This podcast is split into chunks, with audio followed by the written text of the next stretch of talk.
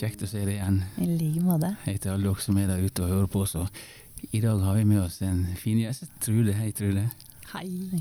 Vi skal snakke om stressmestring og idrett og litt av hvert, tror jeg. Litt av hvert. Ja. Trude, altså alle vet jo hvem du er så, og, og hva du har gjort innenfor idretten. Men det er ikke helt det vi skal snakke om i dag.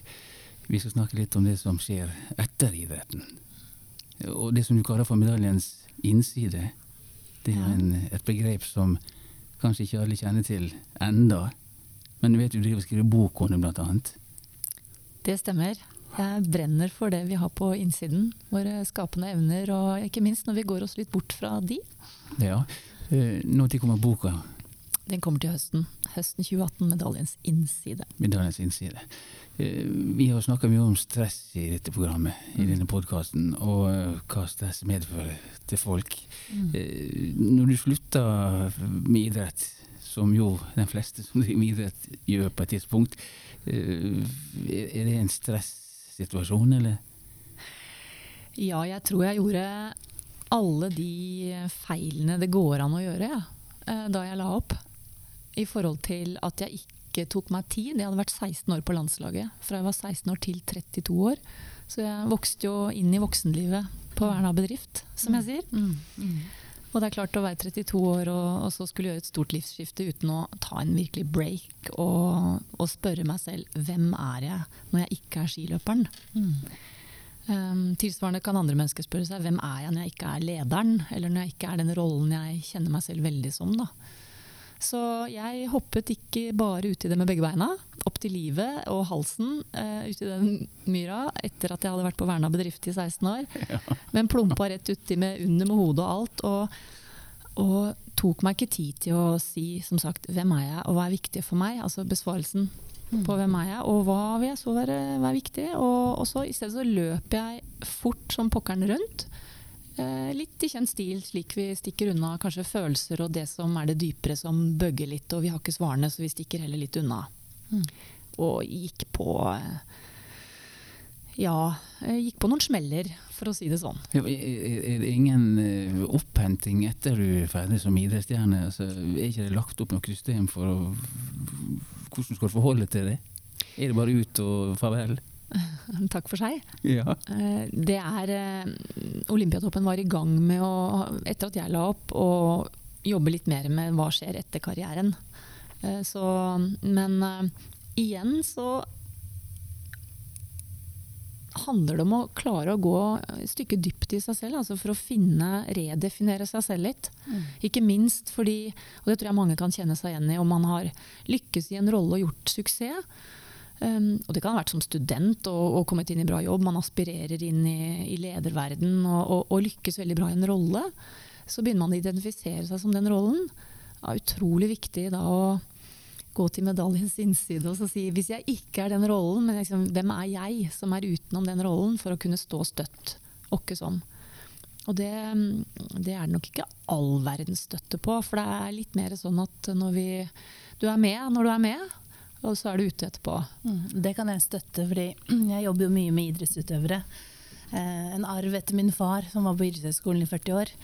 Eh, og det jeg ser, er jo at veldig mange eh, kjente idrettsutøvere, jeg kan ikke nevne navn her nå, men, men litt det der at det er jo et kjempesirkus når du er en av de nasjonale heltene og henter gullmedaljer og sølvmedaljer hjem i mesterskap. Og så plutselig når du legger opp, så vil først alle være interessert i det. Hvorfor du gjør det. Er det fordi du får barn, eller er det fordi det og det og det? Og så plutselig så blir det stille. Ikke sant? Uh, og det er jo en kjent sak, i hvert fall i det feltet jeg jobber i, at, at mange på en måte sliter. Noen begynner å på en måte kanskje drikke for mye, eller møte veggen. Ikke sant? Og litt det med å finne seg selv. Ikke sant? Fordi det er jo ikke et naturlig miljø å vokse opp i et toppidrettsmiljø. Altså det, du, du, det er ikke så lett å tilpasse seg verden. Du lærer masse teknikker som du kan bruke på gode måter, men du, du må jo være litt annerledes for å bli en gullmedaljevinner. Og så plutselig når du skal tilbake i normale verden, og da late som om du er en av de andre, det er, det er ikke lett. Nei, og hvor, hvor lenge har du gjort for å late som du er og andre nå, tror du? Ja, nå er jeg ferdig med det. Det tok nesten 20 år, det. Ja. Det, har vært en, det har vært en reise. Eh, En quest, hvis jeg skal si det sånn. Um, både for å oppdage hva jeg faktisk uh, fant da jeg bestemte meg for å bli verdensmester, og to år etterpå ble det. Mm. For da gikk jeg fra å være mer viljestyrt og yang-kraft, den maskuline kraften, til også å ta fram mer av yin-kraften, mm. og komme inn i flow. Mm. Og jeg visste ikke hva jeg gjorde, jeg hadde ingen coach eller mentaltrenere, men det, det kom faktisk innenfra, hele den reisen. Uh, og, og, flyttet meg egentlig til et annet bevissthetsnivå. Og så ble jeg kastet ut av det noen uker etter at jeg hadde vunnet VM. For da dro jeg på en ekspedisjon til Syd-Amerika. Bar over evne, ble masse skader. Mm. Og inn mot OL-sesongen etterpå så begynte jeg å gå på vilje. Mm. Mm. Ut av flow. Um, ja, og, og, hvordan slår det ut? Nei, da, da blir det mer strev.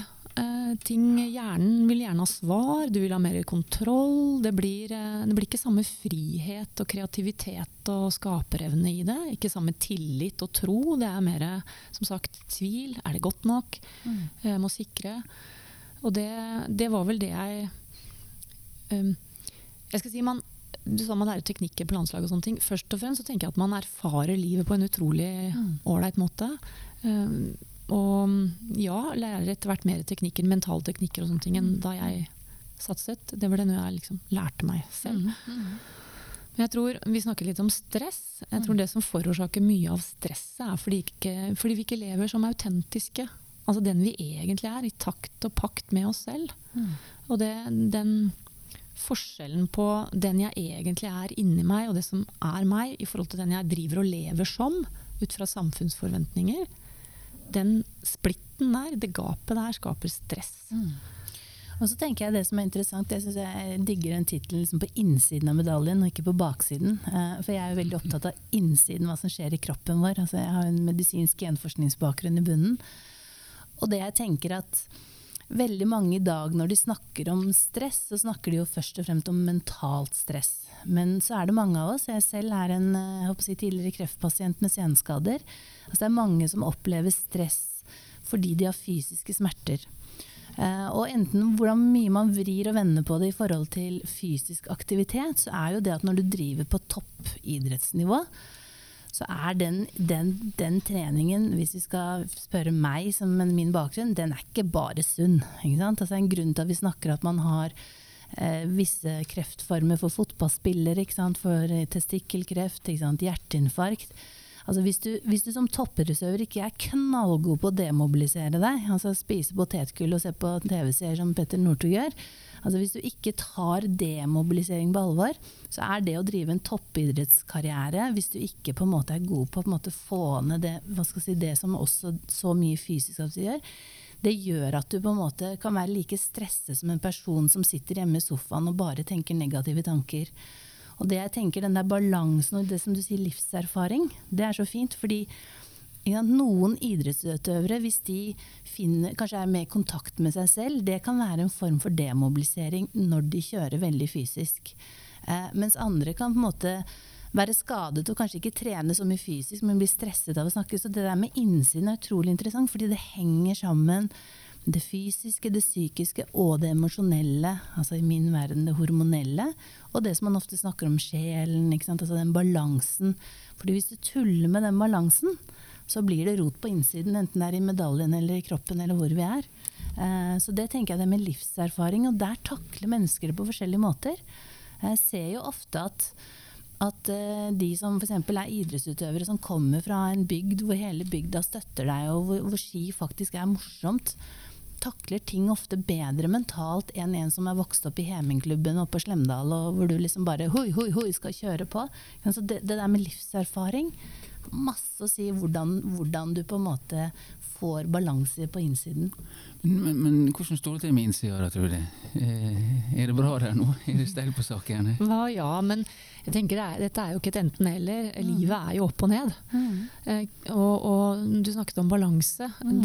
Kunsten er jo, tenker jeg, å ha bevisst um, bevissthet om hvordan du kan gjenvinne balansen mm. når det oppstår ubalanse. Mm. Og det tar jeg opp i medaljens innside. Ja. For det, livet bringer oss ubalanser og utfordringer. Mm. Men vi har fantastiske evner inni oss til å løse det, og dette burde vært i skoleverket. Mm. Uh, vi, vi, burde lære om hvordan vi skal lede oss selv bevisst Det tar jeg veldig opp i boken min. For det viktigste personen i hele ditt liv Du skal ta så mange selvstendige valg og finne din vei. Mm. Og så lærer vi ikke en klokk om eh, hvordan vi opererer innvendig. Mm. Hvordan vi kan reprogrammere tanker, hvordan vi kan eh, løse opp i følelser som har satt seg. Følelser er jo liksom et ikke-tema omtrent. Det er ikke noe rart det er mye depresjoner. Igjen, depresjoner tenker jeg er, er du- er du ikke i kontakt med den du virkelig er, og får leve som den, så oppstår etter hvert depresjoner. Um, så kommer man tilbake til seg selv igjen, så er det mye som løsner på linja. Mm. Du som er genforsker, hva er en depresjon? Er det et hormon Altså det, er, Det er mye. Altså du kan si, det er litt avhengig om man noen ganger kaller det en folkelig depresjon, eller om man ser på med medisinske prøver. Men du kan si det jeg tenker som er viktig, som, som Trude sier, dette her at man ikke snakker om følelser. Altså når jeg, du vet jo at jeg er den knalla realisten jeg er, men med åpen sinn. Det er at, at du føler faktisk eh, si, Du påvirkes veldig mye av hvilke hormoner som fyker rundt i blodet ditt. Ikke sant? Eh, Eh, og det påvirker kroppen din. Liksom. Som jeg sier, hvis du er forelsket, så er det utrolig hvor lite søvn du kan trenger, og hvor lenge du kan være ute om natten uten å bli syk. Men har du kjærlighetssorg, så kan noen hoste på deg, du blir syk. Og, det, og det med hormonene, det er at hvis, hvis man blir altså Det man ser, er f.eks. at hvis du er veldig eh, trist, så kan du gjøre fysiske øvelser eller tankeomprogrammeringer som påvirker deg bare på noen sekunder eller minutter. Eh, også hormonelt, og som gjør at det er lettere å få godfølelsen. Eh, mange har hørt om f.eks. dette oksytocin som vi har oppi hodet i hypofysen. Eh, som, som er et hormon at hvis vi, hvis vi vet type øvelser, massasje, eh, kontakt med dyr, hvordan du faktisk kan skru på oksytocin, så blir livet litt lettere. Det samme brukes i forhold til smertebehandling. Men det jeg tenker som er viktig, og som vi fra Vesten har mye å lære, det er å hente litt sånn Østens visdom. Hvordan du på en måte både kan meditere, hvordan du kan tenke om andre, hvordan du kan bry deg om andre. At ved å lære deg f.eks. teknikker og bry deg om andre i medfølelse, sånn som Dalai Lama, så får du faktisk en god helse også. Eh, så jeg tenker det som er viktig også i forhold til følelser og det med depresjoner, det med depresjoner er jo ofte at hvis du er klar over hvilke egenskaper du har, altså ressurser, men du får ikke brukt dem, og ingen ser deg, det er ganske ille. Det er mye depresjoner som er med det, altså i levekårsundersøkelsen. Det at du, du får ikke brukt det. Så ofte så er det å finne matchen der hvor jeg er i min livsfase. Eh, de egenskapene jeg har, har jeg et sted hvor det er bruk for meg. Er du en toppidrettsutøver og, og skal vinne en gullmedalje, så må du trene. Men når, hvis du er ferdig som toppidrettsutøver, så må du kanskje finne ut hvem du faktisk er. Eh, og, og tørre å bruke det på en arena, for ellers vil alle huske at du var en toppidrettsutøver, men de husker ikke helt når du vant gullmedaljen. Det er vanskelig å leve der. Så jeg vet ikke hva du tenker, Trude, i forhold til det der å, det der å faktisk lytte litt til dette her med Østens visdom. øh, altså Lytte litt til at hvordan er det vi kan få kontakt med følelsene våre og det som er på innsiden. Jeg er veldig opptatt av det hele mennesket. fordi mm, det som jeg har sagt, Da jeg bestemte meg for å bli verdensmester, og to år etterpå ble det, så, så dumpet jeg borti et vell av indre ressurser og en måte å gå framover på som ingen hadde lært meg, men som jeg på en måte mottok inni meg selv. Uh, indre guidet selvledelse. Eh, Noen år etter at jeg la opp, så var jeg så heldig at jeg fikk trene qigong uh, med en som var trent av de gamle mestrene i Kina. Og kom uh, og duppet skikkelig inn i det østlige. Og, og hvordan man ser på det helhetlige mennesket der. Eh, og det samsvarte så enormt med de livserfaringene jeg hadde. Så det er, ingen, det er ikke uten grunn at uh, jeg kaller boken min og det jeg jobber med og det jeg brenner for, for medaljens innside. For vi har alle gullet på innsiden. Det skattkammeret er litt avlåst av, eh, av det samfunnet har definert som suksess, og hvordan vi skal leve og prestere og gjøre for det. Det egner seg best til å avlede oss bort fra oss selv. Så det handler om å finne tilbake igjen. Inn til det som er Jeg snakker om de fire vesenene våre. Vi er et fysisk vesen, og så er vi et mentalt vesen, et emosjonelt vesen og et spirituelt vesen. Og vi har ikke en sjel, vi er en sjel. Eh, nå får du høre min, min sannhet. Vi har en sjel som eh, Vi er en sjel som har en fysisk eh, opplevelse i en kropp. Eh, og jeg er veldig opptatt av det indre kompasset. Dvs. Si vår sjel, vårt indre vesen, essens, kall det hva du vil. Men dette unike, genuine som er meg. Um, det snakker via det emosjonelle vesenet. Mm. Via følelsene. Mm. Jeg kan kjenne glede, ekspansjon, ja for noe. Eh, eller jeg kan si mm, nei, nei. Og dette var noe jeg så brukte da jeg som sagt bestemte meg for å bli verdensmester og koblet inn i noe helt annet enn jeg hadde brukt før. Det krever noe for å komme inn i det rommet, og det skriver jeg om i boken min. Mm. Hva som skal til for å komme inn til det rommet. Vi kan godt snakke mindfulness, men det er også noe helt annet enn å bare sitte liksom mm. stille. For det er noe med hvordan du bevisst bruker ditt indre for å få det til. Som igjen er mye mer enn mental trening og mentale teknikker. Og kan vi gå på det indre kompasset, så går mm. vi aldri feil. Og da mm. kommer vi som jeg sier, til et nydelig sted i oss selv, hvor du kan gå med tro og tillit til framtida uten at du vet helt hva de tredje steg skal være, eller hvordan det faktisk skal bli det du drømmer om. Mm. Men du kan gå med tro og tillit på det framfor frykt og mistro. Mm. Og om du velger holdningen Dette er å bygge på det du sa eh, i sted om ikke hormoner. For alt dette skaper jo hormoner, og, og igjen faktisk påvirker Alt er energi, så det påvirker mm. hvilken energitilstand vi går i. Mm. Om det er med lave frekvenser eller høye frekvenser. Mm. Og med de høye frekvensene, som er lykke og glede, eh, er en helt annen frekvens enn skam, som er den laveste frekvensen som vi har. Klart, man kan kanskje kjenne på forskjellen på om jeg går med lykke og glede eller om jeg går med skamfølelse. Det produserer vidt forskjellige hormoner i kroppen.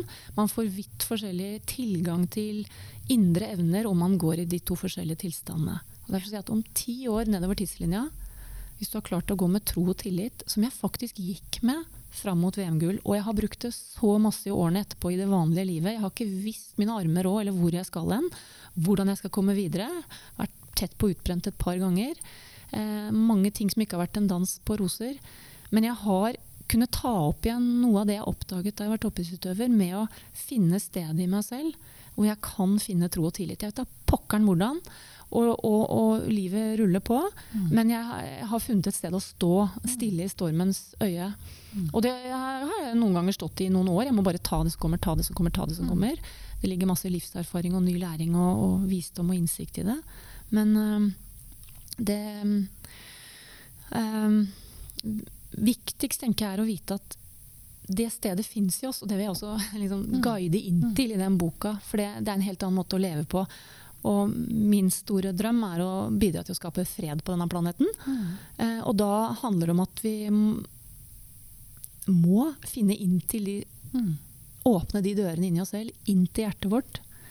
For det er inngangen til sjelen. Det er der inne vi kan tiltrå helt andre evner.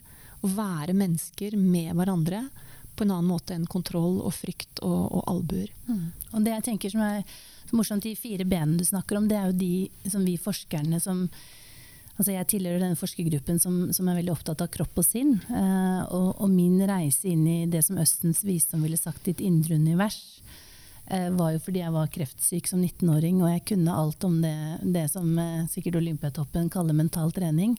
Fordi jeg vokste opp med en far som, som, som hadde mye kunnskap om det. Men jeg trengte å finne et sted inni deg selv hvor du visste at du kunne mobilisere noe, i mitt tilfelle, egentlig for å ikke få eh, tilbakefall når det gjaldt kreft. Og det var der jeg kom i det fagmiljøet som nettopp når vi gjør forskningsstudier Vi skal sette i gang også forskning her nå på hormonyoga med Dina Rodriguez, som er 91 år.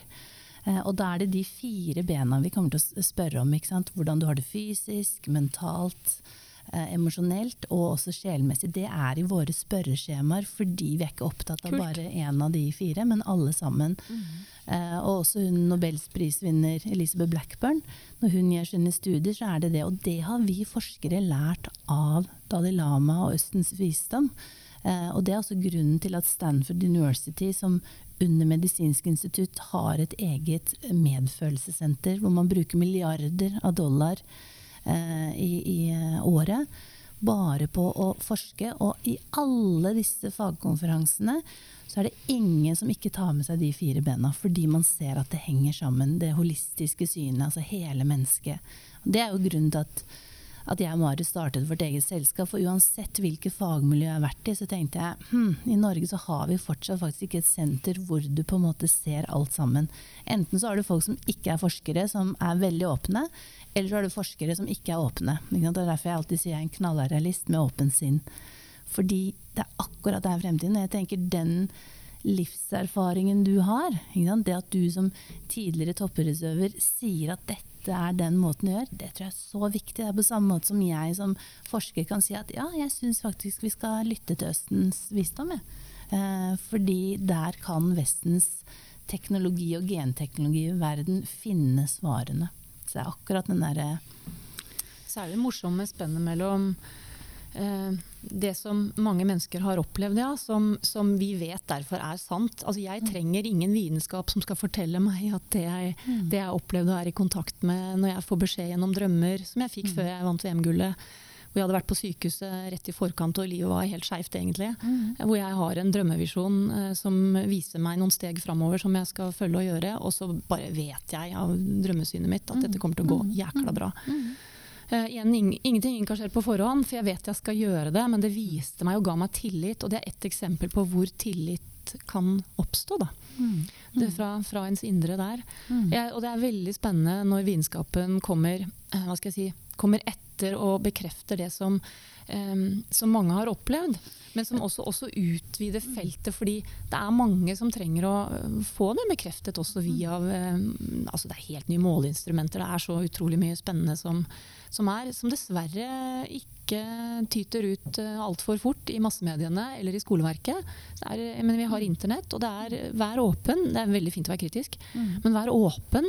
Kjenne etter hva som resonnerer. Det jeg sier med sånn inner knowing. Det er liksom ja, her er det noe. Mm. Og så kan godt noen for, for, jeg kjenner en del til vitenskapen, og det er jo spisse albuer og konkurranserom der òg.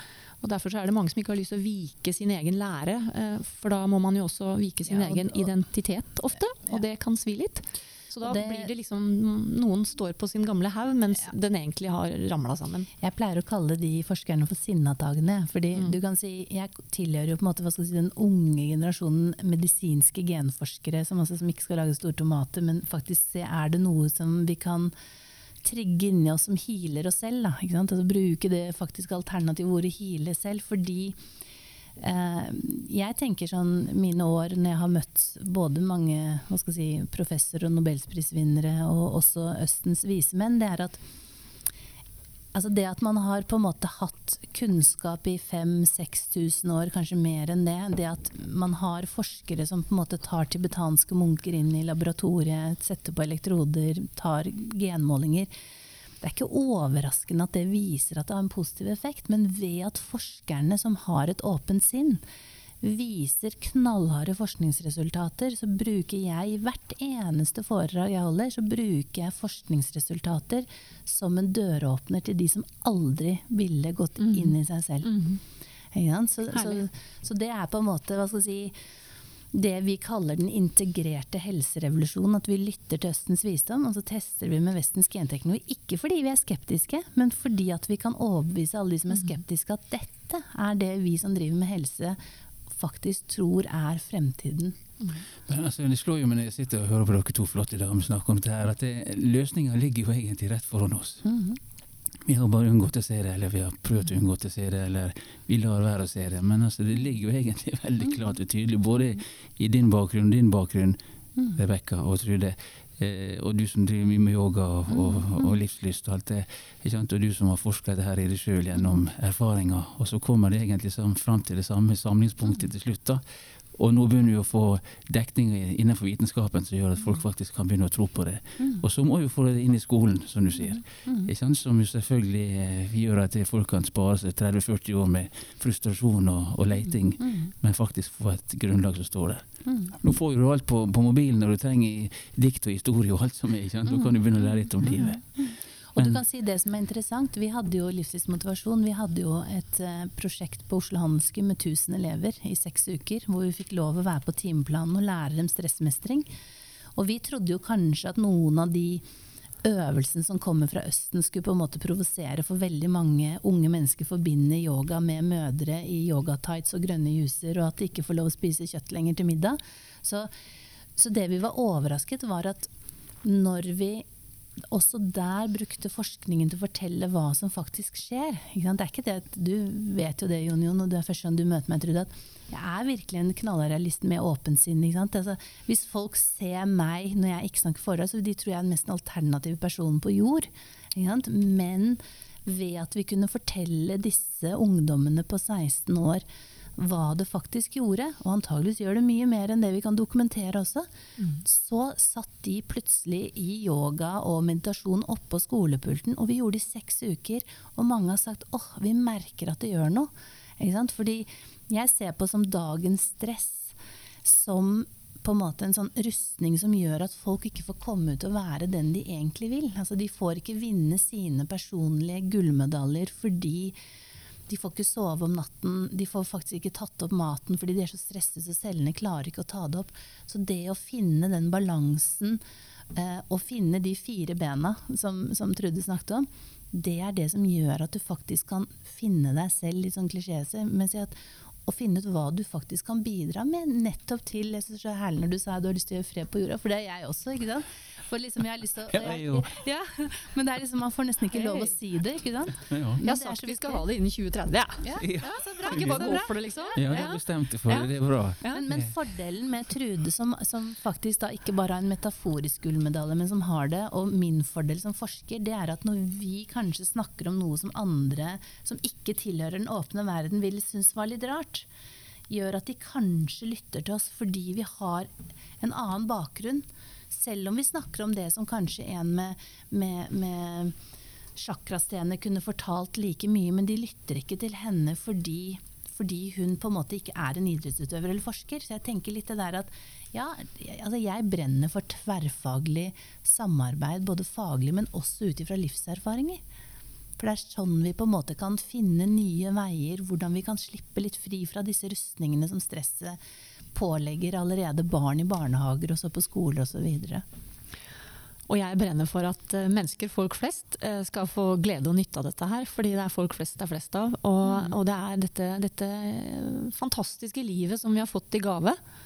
Som, det handler ikke om å vinne og bestige topper eh, som man får overskrifter av og, og, og en fet bankkonto av, og så skal alle være opptatt av hvor mye det var. For det er, eh, altså, da snakker jeg egentlig om konkurranse. Liksom, du har hørt meg si Jon Jon, at konkurranse er ut og utvikling er inn. Mm. Jeg tenker at det er, eh, det er så misforstått det med konkurranse. Det kan, vi, det kan, vi, parkere. Det er ferdig. Det handler om å skape løsninger sammen og se det gode i hverandre. Og så, og så samskape. For der det er mye konkurranse, der blir det flest tapere. Og Det betyr at folk blir små inni seg, gjør seg selv mindre enn de egentlig er. Og det er en dårlig loop. Um, jeg har oppdaget for min egen del, og jeg, klart jeg var fanget av en konkurranseverden i toppidretten, men genuint så kommer jeg jo fra hjertet. Jeg elsker naturen uh, og alt det den er for meg og gjør med meg. Uh, og det å få lov til å ha kontoret der ute i en toppidrettstilværelse, som en skiløper er, derfor ble jeg ikke håndballspiller, det, er, det, er, bare helt fantastisk. Og i tillegg en livsstil som, eh, som, jeg tenker er en av hovednøklene her, hvor det er en balanse mellom innsats og hvile. Det er en nøkkel for mm. de som lykkes i toppidretten. De som ikke lykkes i toppidretten, tør ikke å hvile. Nei. Og næringslivet elsker toppidretten, for det er så mye ståpå, det er så mye kraft, det er så mye vilje, det er så mye målretting. Mm. Men det hviles ikke. Og det er derfor det brennes lys i begge ender. Mm. Så jeg brenner for at mennesker skal tørre å ta tilbake det jeg kaller yin-kraften som altså er yin-yang, dette kinesiske symbolet. Eh, hvor alle mennesker egentlig ideelt sett skal være en balanse av yin og yang. Yang er handlekraft, gjøre, stå på vilje. Produksjon, og, og det, det, trenger vi. I vår verden kommer det også konkurranse ut av det, å stå øverst på toppen. Mens yin-kraften, den feminine kraften som handler om ro, stille, roe ned, følelser, tilstedeværelse, som er balansen til dette handlekraftige, helt nødvendig for å ha et godt liv. Så jeg brenner for at kvinner faktisk særlig tar det tilbake. For vi må ta det tilbake. Vi får det ikke gitt oss. Men vi er gjennom årtusener blitt sabla ned, brent, kutta tunga osv. For dette er en veldig sterk kraft eh, som eh, som var en naturlig en gang i tida. Som er egentlig helt naturlig, til og med i dere kara. ikke sant? Ja. Men gutter skal ikke gråte osv. Så, videre. så jeg tenker jeg brenner for absolutt også og ønsker at menn får kontakt med de sidene i seg selv, uten at det er verken skammelig eller at man er svak, at man ikke er mann nok. Menn skal få lov til å være menn, yeah, det liker vi kvinner. Men at de også får lov til å få kontakt med denne. Roe ned, alt er greit. Eh, grine litt. Eh, kjenne på at man er det hele mennesket. Men at vi kvinner Nå har vi hatt en maskulin, patriarkisk verden i årtusener, og vi er liksom på randen av noe som ikke er bra. Så vi kvinner, jeg brenner for at den feminine kraften skal få komme tilbake. Og jeg må si jeg har vært sjokkert selv over hvor langt jeg har saldert den bort fra meg selv. Brukt den mye mer i toppidretten, men eh, jeg plumpa ut i denne verden hvor den ble lagt til side, for jeg skulle også nå ut og prestere og gjøre med samfunnets normer. Hvile forsvant som begrep. Og da kom man heller ikke i kontakt med den yin-kraften som jo som sagt er ro ned. Kom på innsiden av deg selv. Jeg, jeg sa det jo når jeg, når jeg satset, det var sånn når jeg hadde vunnet flere worldcuprenn og jeg hadde vært ute og verden kokte litt. Jeg sa, jeg gleder, Nå må jeg bare hjem. Nå må jeg hjem. Hjem igjen til rota mi, var det jeg sa. Og noen ganger dro jeg på fjellet og på hytta bare for å komme helt unna. Slappe helt av å være unna. Jeg måtte liksom sortere, altså lande, sortere i meg selv igjen. Og liksom rote meg. Eh, Da var ikke jeg på meditasjoner og ned i jordkraft osv. Men, men det er et veldig godt uttrykk uansett. da, Å sortere, sånn at man liksom kommer inn til kjernen av seg selv igjen, og så kan stå stødig videre. Lade opp og gå ut igjen. Og Det er slike ting jeg tenker at vi trenger å ta tilbake. Så foreldre som eh, jobber full mugge og er rollemodeller for sin, den oppvoksende slekt. Kanskje ikke beste rollemodellen, for det, går det for travelt, har vi per definisjon ikke mulighet til å komme i kontakt med indre bane. For da går hjernesvingningene for høyt. Vi ligger på et eh, betanivå. Dvs. det vil si at det er venstre hjernehalvdel som tuter på med kunnskap, og vi er orientert utover i verden. Vi må roe ned for å komme ned i alfasvingninger, og gjerne også teta, som er de dypere hjernesvingningene, hvor høyre hjernehalvdel med ro, kreativitet, et helhetsblikk kommer fram som evnene i oss. Det har vi ikke kjangs til å nå inn til når vi stresser. Så det å kunne balansere yin og yang-kraften og, og som jeg, jeg tror faktisk det er kvinner som må sette det på agendaen. Jeg syns det er kjempespennende å jobbe med kvinnelige ledere på dette. Bidra til at de får kraft til å tørre å stå i dette. Støtte de på at dette er så riktig og viktig. Eh, og ikke minst kvinner i livsskifter som sier at eh, nå, nå vil jeg leve livet på en annen måte, og jeg går foran, og velger å gjøre det. Og jeg tror det er veldig, veldig viktig det der med at det Trude sier at det med hvile, og liksom jeg sa i sted med, med, med et bilde av en toppidrettsøver altså at hvis du ikke demobiliserer, så, så får du denne rustningen av stress som gjør at du på en måte ikke kan, kan være, være deg selv. Eh, og jeg tenker også at det med Du vet Jon Jon, jeg elsker jo kvinnekraft. jeg snakker om det overalt. Uh, og det er så viktig at det faktisk på en måte ikke bare er en, en kvinnemåte å gjøre det, men at det virkelig er en kvinnekraft. Uh, og, og du kan si det å det å på en måte hente inn, hente inn det helt naturlige. Altså, det er så mye vi kan lære av å sitte ute i naturen og bare koble av alt det andre og så bare kjenne etter hva er det jeg egentlig vil. Det er herlig hvordan du sier du måtte liksom tilbake til rota. Og, og, det å på en måte si til folk at ja, som, som, som, mor til masse småbarn, så er det helt greit at ungene dine lærer seg å sitte og kjede seg litt. Ikke sant? Akkurat som Barn skal ikke kjede seg i dag, de skal ha duppedingser. De har hatt kjempegodt av å sitte på, på svaberget og se utover havet ikke sant? Og, og, og, få noen tanker som oppstår av det. Så det der at vi må ta oss tid til å hvile, det, det tror jeg er det viktigste eh, vi kan si til budskap til folk for at de skal komme i kontakt med seg selv. Vi har jo en podkast som ligger her som heter Den erotiske kvinnekraften, mm. der du snakker varmt om dette her. Ja. Mye av det rommet her i dag, for å si det sånn. Mm. Men jeg blir jo rolig av å høre på dere. da. Jeg kjenner at jeg får litt lavere vibrasjon her nå, og får lyst til å utforske det videre også. Og det, det med bølgesekvenser er veldig gøy, for det er faktisk det folk, særlig på Harvard, måler når folk sitter og synger mantra eller gjør øvelser. Og det er faktisk en del studier som viser at hvor du har de frekvensene som Trude snakker om, så oppstår det faktisk mindre kriminalitet. Så det er ganske mye spennende som skjer på de tingene. Jeg tror det gjerne på. Uh, du har jo forskjellige ting på gang nå som du skal uh, gjøre nå i nærmeste fremtid. Ja, ja. Fortell meg litt om det. Ja, altså jeg, som jeg har sagt, jeg skriver så det står etter på boken min. Ja. Uh, den, der er, sprenges hjertet. Den, den gleder vi oss til å lese. Ja. Ja, og, så, og så mm, holder jeg jo kurs og treninger for velger å prioritere, på, prioritere kvinner. Mm. Um, jeg brenner jo for mennesker i dette her, og også unge mennesker. Ja. I forhold til at de skal oppdage at de er mye mer. Som jeg sier, du er større enn du tror, mm. og kan så mye mer enn du aner. Men det var jeg som sa, jeg traff i gangen her i sted, at jeg trodde skulle komme her i studio. og da sa hun at ja, men hun er jo springende i Sveits eller noe sånt, mm. oppe i fjellet. ja, men jeg spurte i går om hun kunne hive seg rundt, og det sa du skulle, så du kommer vel derfra nå, da? Men det var vel forrige uke sånn du var på tur? Ja, nå har jeg vært en deilig uke i Spania på, eh, med fantastiske eh, over 100 hva skal jeg si, transformasjonsledere ja. på, en, eh, på, en, konferanse. Helt fantastisk. Hvor, hvor, det er fokus på, på, noe av det definitivt det jeg brenner for, og som Det handler om å komme inn igjen til hjertet. Og det er sånn klisjé, sier kanskje noen, men det er når vi har kontakt med det som vi er en del av, som er så mye større enn oss selv, at, uh, at vi faktisk Det er dit vi er koblet når inspirasjonen, in spirit, uh, er koblet på. Vi er så mye mer, som sagt. Um, så det er det er da vi kan finne frem oss selv. Eh, det er en liten prosess. Det er veldig spennende å lede mennesker gjennom den prosessen. Stå trygt på egne ben, la andre være seg og blomstre, og så blomstre selv. Ja, Veldig spennende. Vi kommer selvfølgelig tilbake til det når boka kommer. Eh, er det gitt noe utgivelsesdato, eller hun kommer når hun har funnet seg sjøl? Kommer til høsten. Ja. ja, kommer til høsten. Tusen takk Trine, for at du var her nå. Eh, takk til deg, Rebekka. Takk til meg. Veldig veldig glad å være sammen med deg. Takk for tiden. Og, og, takk til dere som har hørt på.